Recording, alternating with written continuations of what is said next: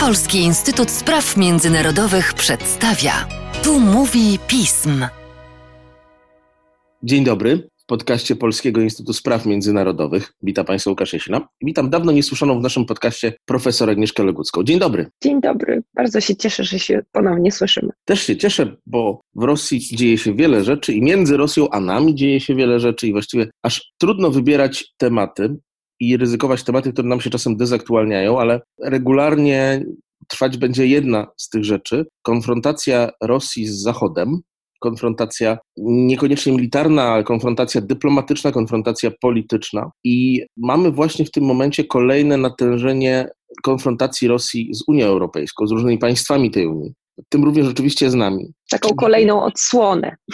Czy nie przypomina to, Agnieszko, jest taki film polski bardzo popularny na terenie byłego Związku Radzieckiego Déjà Vu. Oczywiście on się dzieje w Odessie, ale tam Jerzemu Szturowi cały czas po kolejnych momentach, różnych wypadkach i tak dalej przypomina się tak, jakby coś kiedyś gdzieś robił, ale nie może sobie przypomnieć gdzie czy z tą konfrontacją rosyjsko-unijną nie jest przypadkiem trochę tak, że my sobie cały czas przypominamy, że gdzieś to już kiedyś w ciągu ostatnich siedmiu co najmniej lat było? To jest oczywiście wspaniały film i jest takim kultowym w moim domu i cały czas powtarzamy teksty z tego filmu, więc bardzo polecam dla tych, którzy jeszcze nie widzieli. Ale jeżeli chodzi o tę konfrontację i takie powtarzanie się pewnych wydarzeń, to tak, oczywiście, ale to można by było w ogóle sięgnąć jeszcze dalej do XIX wieku i do Piotra Wielkiego, który próbował otworzyć Rosję na nowinki z zachodu, z, z Europy. I tak podsumowując, można by powiedzieć, że w sensie kulturowym Rosja zawsze była częścią Europy. Natomiast w sensie politycznym Europa dla Rosji jest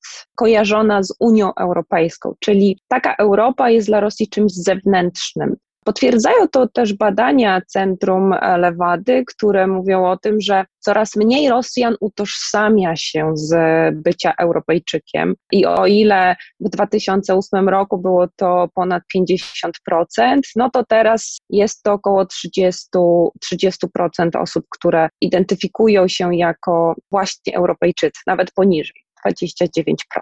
I ta konfrontacja, którą obserwujemy obecnie, czego efektem jest chociażby taka agresywność też Rosji w jej najbliższym sąsiedztwie, w odniesieniu do Ukrainy, w odniesieniu do Białorusi, czy nawet wzmocnienia militarnego na Kaukazie Południowym, wynika z jednej strony z pewnej diagnozy, diagnozy tego, że Unia Europejska osłabiona jest pandemią, różnymi kryzysami wewnętrznymi i Rosjanie też doszli do wniosku, biorąc jakby podstawę tej diagnozy, że na ten moment wszelkie próby poprawy relacji z Unią Europejską spełzły na niczym, nie uda się tego osiągnąć, a w związku z tym, z tej kalkulacji wyszło, że można wyciągnąć pewne korzyści z polityki konfrontacyjnej. Z polityki konfrontacyjnej namierzonej na to, żeby właśnie z jednej strony umocnić wizerunek władz, a w szczególności Władimira Putina, jako tego, który broni Rosji przed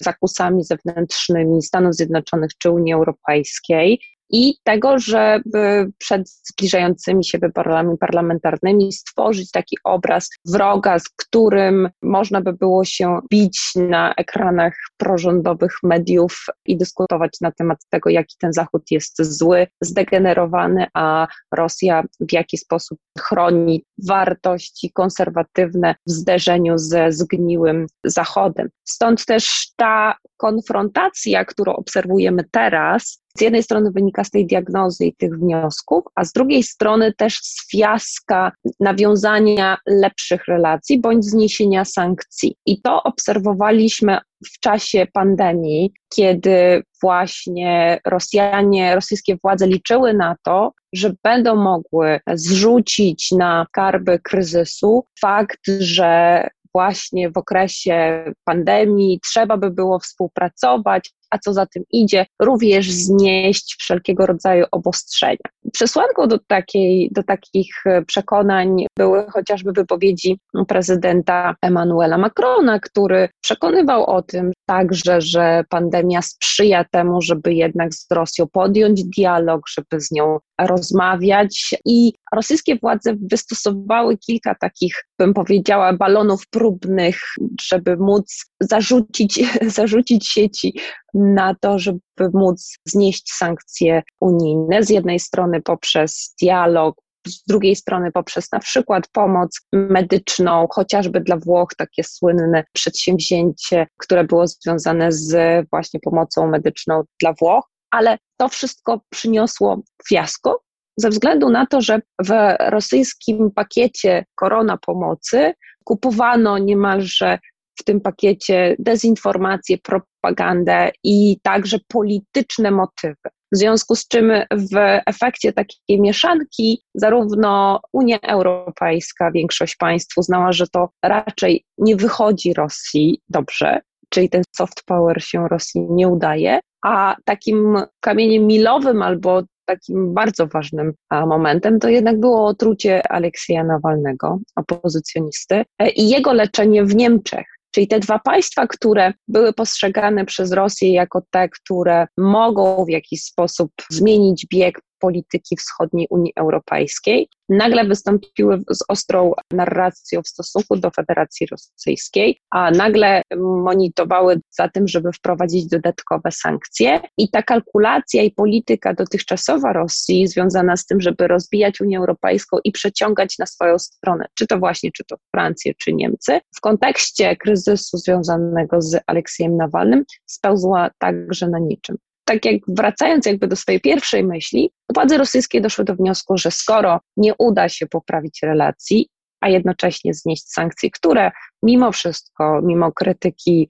są skuteczne i są dotkliwe dla gospodarki rosyjskiej, to uznano, że konfrontacja zaostrzenie relacji może, może mieć po prostu korzyści wewnątrz rosyjskie. Czyli Agnieszko, stąd te brutalne zaloty Rosji wobec nas w ciągu ostatnich kilku tygodni. To jest po prostu zmiana polityki, próba zastąpienia miłości i polityki miłości polityką wymuszenia na państwach Unii Europejskiej? Tak, to jest e, swego rodzaju próba przymuszenia do rozmów, przymuszenia do tego, żeby Rosja była zauważona, dostrzeżona, że skoro nie udało się łagodnie podjąć współpracy z Rosją taka, jaka ona jest, to z racji tego, że Rosjanie uważają, że Unia Europejska jest słaba i nie ma możliwości, albo inaczej, ma możliwości, ale nie ma woli politycznej do tego, żeby Rosji postawić konkretne warunki. I wszystkie zapowiedzi o tym, że nie wiem, przedstawiciele Unii Europejskiej są bardzo zaniepokojeni sytuacją na wschodzie Ukrainy i koncentracją wojsk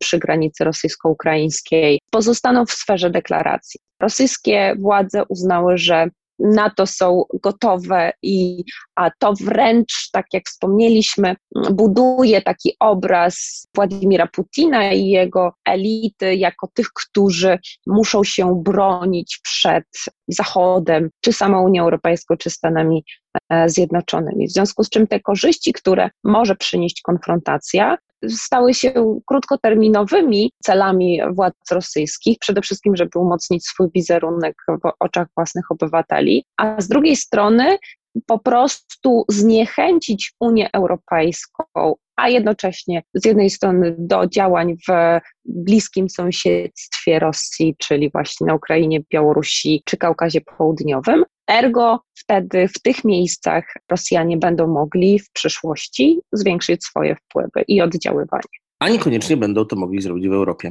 bo parę krajów e, może zmienić bardzo swój stosunek do Rosjan, jak Czesi na przykład. Tak, to jest e, też element kalkulacji politycznych w Rosji. Oczywiście teraz obserwowana fala wręcz wyrzucania rosyjskich dyplomatów nie tylko z Czech, ale także z Polski, jest związana z takim działaniem prewencyjnym wobec Rosji, no bo nie wszystkie państwa w Unii Europejskiej są gotowe rozmawiać z Rosją a i są zwolennikami dialogu. Wręcz przeciwnie, tutaj im bliżej Rosji, tym te państwa są bardziej świadome tego, że te relacje powinny być postawione na takich działaniach pragmatycznych i przymuszania też Rosji do tego, żeby jednak nie stosowała groźby użycia siły w najbliższym sąsiedztwie. I zarówno tutaj Czechy są takim specyficznym przykładem, ale y, od wielu, wielu lat y, państwa bałtyckie, Polska próbują przekonać pozostałych członków Unii Europejskiej do tego, że z Rosją można rozmawiać,